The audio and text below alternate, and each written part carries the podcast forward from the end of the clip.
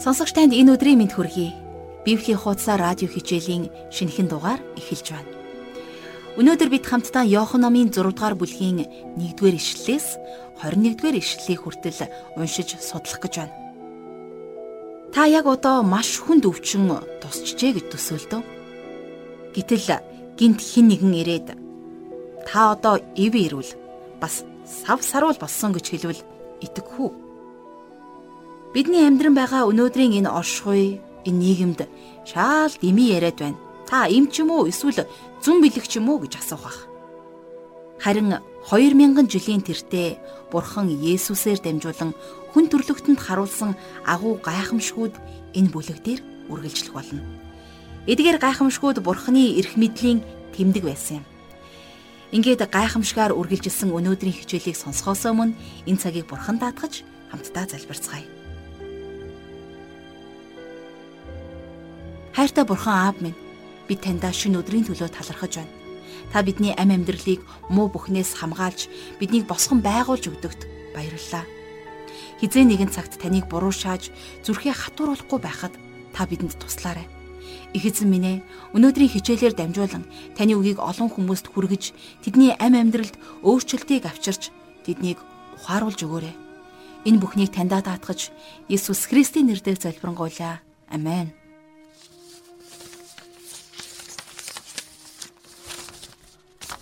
За тэгэхээр Есүсийн 50000 хүнийг нэг дор хоололсон гайхамшигт үйл явдал Шинэ гэрээ номны дөрвөн сайн мэдээ номонд тэмдэглэн үлдсэн байдаг.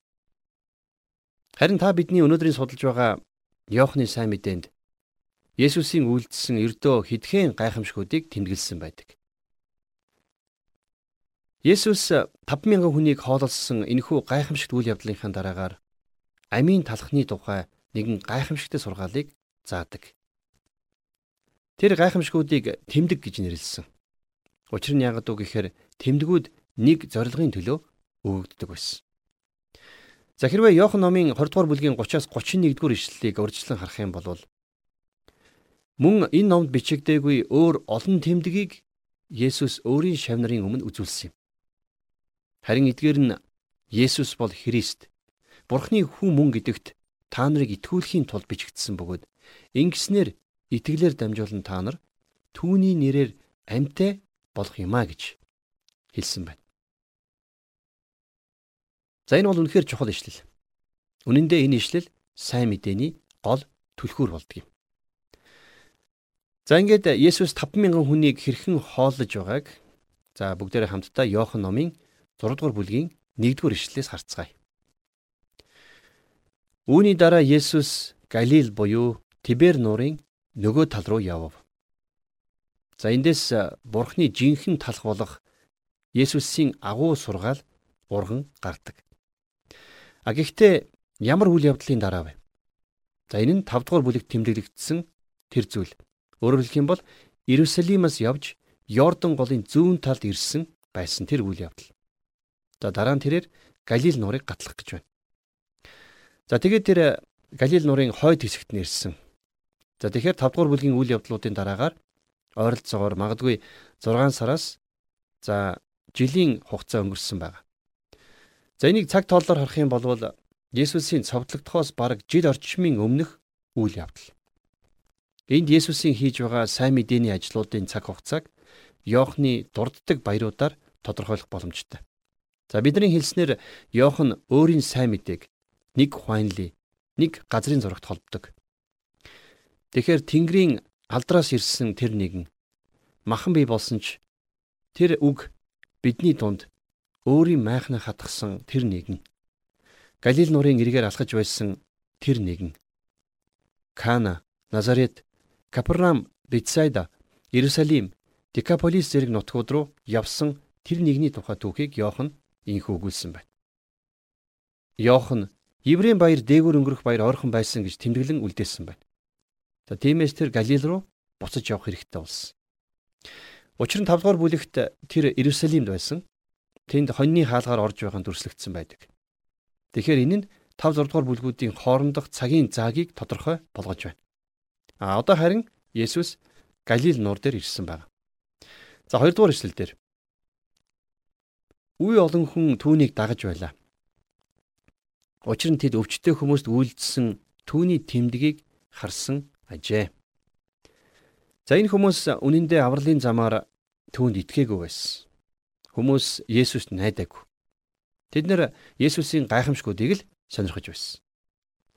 Тэд нар Есүсийг өөрсдийг нь сайн болгож чадах учраас гордлого тийм дагалдаж байсан. А гэвч Есүсийн зорилго бол бидний бие махбодыг сэргээхийн тулд биш байсан. Харин тэр бидний зүрх сэтгэлийг сэргээхийн тулд, эдгээхийн тулд тэр бидний зүрх сэтгэлийн эзэн байхыг хүсдэг. За тийм болохоор Есүс Иохны 2:25 дээр түүнд хүний гэрчлэл хэрэггүй байсан юм. Учир нь тэр хүний дотор юу байгааг мэдэж байсан гэж хэлсэн. Есүс өөрийгөө Иерусалим дахь хүмүүст даатгаагүй шиг энд цугларсан хүмүүст ч бас даатгахгүй. Учир нь тэд түүний үйлдэж чадах гайхамшгуудыг л зүгээр харахыг хүссэн. Тийм ч учраас л дагаж байсан юм. За 3 дугаар ишлэгийг харъя. Есүс уулан дээр гарч тэнд шамнырынхан хамт суув. За тэр үед Есүс уул өөд өгсөд за тэнд дагалдагч нартайгаа хамт суусан байна. За энэ үед бол дээгүр өнгөрөх баяр дөгсөн тийм үе байсан. За 5 дугаар ишлэгийг харъя. Есүс харцаа дээшлүүлэн Өөрлөө нь үе олон хүн ирж байгааг хараад Филиппт тэднийг хооллох талхыг бид хаанаас хөдөлж авах вэ гэлээ. За Есүсийн 12 дагалагчдын нэг болох Филипп болвол дуу цөөд за даруй нэгэн байсан. Тэр хизээж олон юм ярьж байгаагүй. Харин бидний эзэн энэ онцгой цагт түүний зүрх сэтгэлийг тодтогч өгч байна. Тэрээр үнэхээр энэ олон хүнийг хооллох талхыг яаж худалдаж авах вэ гэж эргэлзсэн. За энэ үед Симон Петрийн дүү Андрей ч гэсэн бас яаж гэдэг асуултыг Есүсээс асууж өөрийнхөө эргэлзэж байгааг харуулдаг. Андрей Филипп нар болвол маш идэвхтэй. За үнэхээр завгүй. Гэхдээ нэг их яриа хөрөөтэй хүмүүс биш байсан учраас та тэр хоёрын хариултаас эргэлзээнээс өөр юу ч олж сонсохгүй. Гэхдээ Андрей бол Симон Петрийг эзэн рүү авчирсан тэр хүн байсан шүү дээ. Бидний эзэн хизээч зөвлөгөө хүсэж байгаагүй ч гэсэн энэ удаад Филиппээс харин зөвлөгөө хүсдэг. За тэгвэл тэр яагаад Филиппээс зөвлөгөө хүссэн бэ гэж та асуух. За хариулт нь 6 дугаар эшлэл дээр байна. Есүс Филиппийг сорохын тулд тийм асуужээ. Учир нь Есүс юу хийхээ өөрөө мэдэж байлаа. Тэгэхээр Есүс үнэхээр Филиппийг сорьсон байна. Филипп ирж байгаа тэр олон хүмүүсийг харсан. Эмэгтэйчүүд хүүхдүүдээс гадна тэнд 5 мянган ирчүүд байсан. За тэднийг нэгдгээд бодох юм бол дор хаяж 15 мянган хүн байсан гэж би тооцоолдог. Энэ бол үнэхээр их тоо. За ялангуяа тэр цаг үед тийм ээ тэр нутгийн хувьд. Харин Филипп бирж байгаа тэр олон хүнийг харахтаа гайхамшигын талаар огтхон ч бодоогүй. 7 дугаар ишлэгийг харъя. Филипп түүнд хүн бүр жаахан авлаач гэсэн 200 динарын талах тэдэнд хүрэлцэхгүй шүү дээ гэв. Тэгэхээр Филипп яагаад энд 200 динар гэж хэлсэн бэ? За тэр мөнгө тэр үед тэдний эрдэнсийн санд байсан мөнгөний тоо байсан байхаа гэж би бодож байна. Магадгүй тэр өглөө Юдас эрдэнсийн сангийн тайланг хийсэн байсан баг. Тэгэхээр тэр нь тэдэнд байсан бүх мөнгө байсан. Филипп хүмүүсийг хараад өөрсдийн санхүүгийн байдлыг За өөрсдийнхөө мөнгийг л бодсон. Тэдний хувьд 200 динар бол яасан ч хангалтгүй байж. За тэр үеийн зоос нь динар гэдэг нэртэй Ромын зоос байсан. За 1 динар гэхэд жирийн ажилчны нэг өдрийн ажлын хөлс байсан байна. За сайн мэдээний бусад номуудад энэ үед дагалдагч нар эзэн Есүс зөвлөсөн гэж бичсэн байна. Тэд нар удирдагч нарын зөвлөлд байхыг хүссэн. Тиймээс тэд нэр та яагаад хүмүүсийг явуулахгүй байгаа юм бэ гэж асуусан. За Лук номын 9 дугаар бүлгийн 12-оос 15 дугаар ишлэлийг хамтдаа дахин эргэн санаж уншицгаая. Өдөр хивэх үед 12 нь түүн рүү ирж хурсан олныг энэ хавийн суйрангууд руу явуулъя. Тэд тэнд очиж хоноглох газар унд хоол олог. Учир нь бид энд эзгүй зилүүд газар байна шүү дээ гэв. Харин тэр тэдэнд та нар тэдэнд идэх юм үг гэхэд Тэд бид явж энэ бүх хүмүүс зориулан идэх хоол хүнс худалдаж авахгүй бол бидэнд таван талах хоёр загаснаас илүү юм алга гэжээ. Тэнд 50000-аад ирчүүд байсан юм. Тэр шав нартаа тэднийг 50 50-аар нь бүлэглэн суулга гэв. Тэд ч бүгдийг тэгж суулгажээ. Өөрсдийгөө захирлуудын зөвлөлд сонгосон байсан эдгээр хүмүүс олон түмэнд үйлчлэгч, зөөгч нар болохыг бид нар уншсан. А энэ ажил бол тэдний хувьд үргэлж хийх ёстой зүйлээ гэдгийг Есүс энэ үйлдэлээрээ баталж харуулдаг. Тэд нар шиг байр суурь, эрх мэдэл хүссэн олон ирчүүд өнөөдөр сүмүүдэд ч гэсэн бас байсаар л байна. Хүмүүс ихэнхдээ албан тушаалыг хүсдэг. Захирлуудын удирдах зөвлөлд байхыг хүсдэг. Тэд нар номлогч нарт юу хийхийг нь зааж хэлэх дуртай. А гисэн ч тэднэрт төгс зөвлөгөөг өгч чадах шаардлагатай тэр бүх мэдээллүүд байдаггүй. Тэднэрт сүнслэг ялгах чадварч байдаггүй. Тэд нар өөрсдийгөө үйлчлэлийн ажлыг хийхээр гарах ёстой гэдгээ ойлгож ухаардаг. Тэд нар гарч эзний төлөө гэрчлэл хийх ёстой байдаг. А гэтэл тэд нар номлогчдоо юу хийгийг нь илүүтэй зөвлөд байдаг. Тиймээс энд бидний эзэн Филиппийг гаргаж ирсэн. Хангалттай талх авах хангалттай мөнгө тэдэнд байхгүй гэж Филипп хэлсэн байна. Филипп Андрей хоёр хамт байгаа болохоор Андрейч бас санал нийлж За 9 дугаар ишлэгийг харах юм бол энд 5 10-ын талах хоёр загастай хүүхэд байна. Гэвч тэр нь энэ олон хүнд юу болох вэ гэсэнд. За тэгэхээр Андрей эргэн тойрон цугласан хүмүүсийг хараад нэгэн судалгаа хийсэн байна. За судалгаа хийх нь чухал ч гэсэн зарим тохиолдолд үнэхээр тустай байдаг гэдгийг та мэднэ. Энд бас Андрей Филипп нар хамт байгааг та харж байна. Филипп Эрдэнэсийн сандах мөнгө тэднийг хооллохгүй гэдгийг хэлсэн бол За харин Андрей ердөө таван талах хоёр жижиг загастай нэг жаалыг олсон гэдгээ хэлсэн. Эдгээр 5 10-ын талах нь тийм ч том талах байгаагүй гэдгийг санаарай. Энэ талхнууд одоогийн гамбирнаас жижигхэн талах байсан. Тэгэхээр дээр нь загас тавихаар л хэмжээтэй байгааз. Энэ бол Андрей гэгч хүний гаргаж чадах бүх зүйл болсон. За мэдээж энэ бол хүний бодлоор найдваргүй төсөл. Тийм олон хүмүүсийн дунд тэр тавхаан талах үнэхээр юу ч биш. 10 дугаар ишлэгийг харъя. Есүс хүмүүсийг суулга гэв. Тэр газар нэг зүлэгтэй газар бөгөөд 50000 орчим ирчүүд сууцгаасан байв. За тэнд 50000 ирчүүд байсан гэдгийг та нарт дахин дахин анхааруулмаар байна. За эр хүмүүрт нэг эмэгтэй нэг хүүхэд дагалдаж байсан гэж үзэх юм бол тэнд нийтдээ 15000 хүн байсан гэсэн үг. Харин одоо эзэн Есүс тэр хүмүүсийг хооллох гэж байна. Тэгэхээр энэ тэмдэглэх нэгэн сонирхолтой зүйл байгаа. Хэрвээ танд хооллох 15 мянган хүн байгаа бол энэ бол танд оногдсон маш том хариуцлага. А гэтэл танд зөвхөн тавхан талах хоёрхан загсал байна. Эдгээр нь таны бүх өмч хөрөнгө. Хэрвээ өнөөдөр яг ийм зүйл тохиолдох юм бол тэднийг цадтал нь хооллох Ямар ч боломжгүй. Та харж байна уу? Энэ тэгшгэлд миний гайхамшигын тайлал гэж нэрлэх зүйл танд хэрэгтэй. Тэр гайхамшигын тайлал бол Есүс. Тэгэхээр танд Есүс хэрэгтэй. Хэрвээ танд таван талх хоёр загас дээр нь Есүс байгаа бол танд бүх зүйл байна гэсэн үг. Харин түнгүүгээр бол танд юу ч байхгүй. За Есүс хүмүүсийг газар суулга гэж тэдэнд хэлсэн. За Марк бол тэднийг хэсэг хэсгээр суулгасан гэдгийг өөрийн бичсэн сайн мэдээндээ бас тэмдэглэн бичсэн байдаг. За тэд нар магадгүй нутаг нутгийнхаа хувцсны өнгөөр ялгагдж байсан байх. Тэгэхээр бидний эзний хийсэн бүх зүйл тун эвтэйхэн за бас эмх замбраатай хийгддэг байсан. Бүлэг тус бүр ногоон зүлэг дээр өнг өнгөөр ялгарч байсан байх. Тэнд эмх цэгц дэг замбраатай байдал байсан. Учир нь бидний эзэн энийг хийж байсан. За 11-ээс 13 дугаар эшлэл дээр Тэгээд Есүс талхнуудыг авч талархал өргөөд сууцгаалсан хүмүүст тарааж өгөв. Мөн загсыг ч тэдний хүсснээр өгчээ. Хүмүүс цадсны дараа тэр шавнартаа юу ч хаяхгүй тулд үлдэгдлийг нь цоглуул гэв. Хүмүүсийг хооллсон 5 10-ын талхны үлдэгдлийг тэд цуглуулхад 12 сагс дүүрчээ. Тэгэхээр энэ үнэхээр гайхамшиг бий болсон.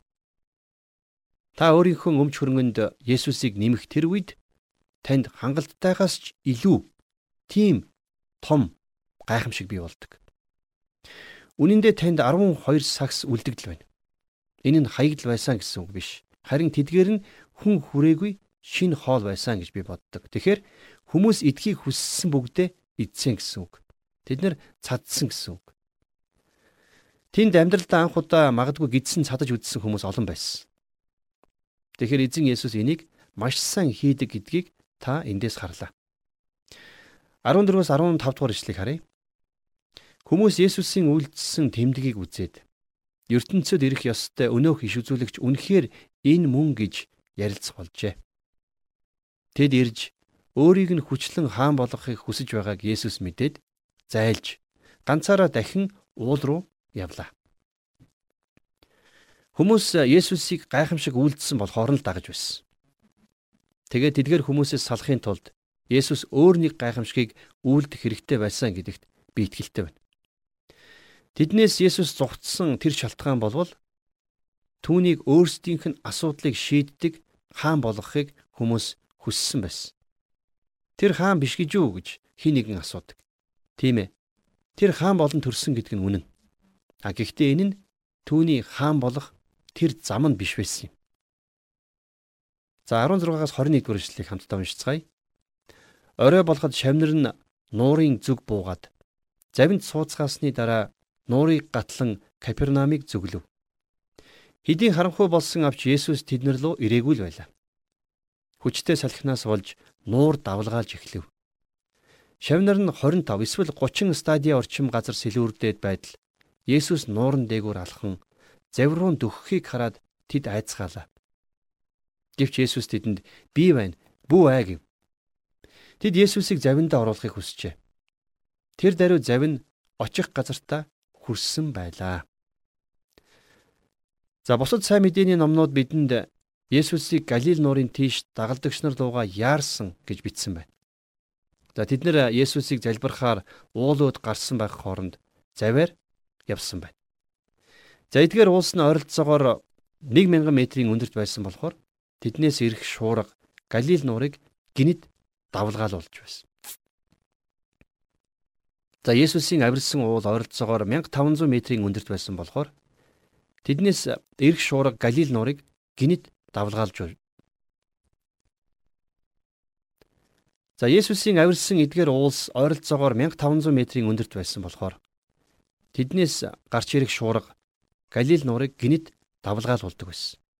Энэ бол жинхэнэ шуурга байсан. Тэд нэр нууран дээр 25 30 стадиа орчим сэлүүрдээд явсан байсан. Тэгэхээр тэд нар замынхан хагаст байсан гэсэн үг. А тэгтэл нуурын дунд тэд нар Есүсийг усан дээгүүр алхан ирж байгааг харж. Тэгээд тэд нар Есүсийг таниагүй болохоор үнэхээр их айсан. Йохан өөрөө Галил нуурын загасчин хүн байсан. Тэр болсон зүйлийг мэдээж сайн мэдэж байсан ойлгомжтой. Та бодоод үзтээ. Цэлэлтсэн том нуурын голд завтайгаа явж байна гэд. Иргэн тойрон дүүрэн ус. За тэгээд бас дээрээс нь шуургатай байсан. А гэтэл хин нэгэн хүн усан дээгүр өд мэд хөнгөнөөр алхаад ирж байна гэд та төсөөлтөө. Үнэхээр Есүс тэднэр лөө шуурганаар ирсэн. За өнөөдөр ч гэсэн Есүс өөрийнхөө хүмүүс рүү шуургатай үед бас ирдэг. Асуудал ууй гашуу болсон тэр газарт Есүс өөрийгөө бидэнд илүү бодиттой болгодог. Тэр яагаад давлгаа өвсдөл шүн дунд болт хүлээснийг би үнэхээр тайлбарлаж мэдэхгүй байна. За магадгүй тэр нь бидний түүнийг сонсох цаг байсан байх. Амьдралын шуурга та бидний өчөөхөн дарвуулт завийг нүдэж балбах үед бидний зүрх сэтгэл түүний оршихуйн төлөө бэлэн а гэж би боддог. Харин Есүсийг завь руу очисны дараагаар тэр завь очих газартаа даруй хүрсэн байсан. За энэ магадгүй өөр нэгэн гайхамшиг байсан байх. А эсвэл Йохан ус намжснаас хойш нөгөө эрэг хүртэл тэд завтайгаа ямар ч саадгүйгээр хүрсэн гэсэн утгыг хэлсэн ч байж болох юм. А эсвэл энэ нь түүний хайрын хилж байж болно. Завин дээр Есүсийг гарч ирэхэд нөгөө эрэг тийм ч хол санагдаагүй ч байж болох юм.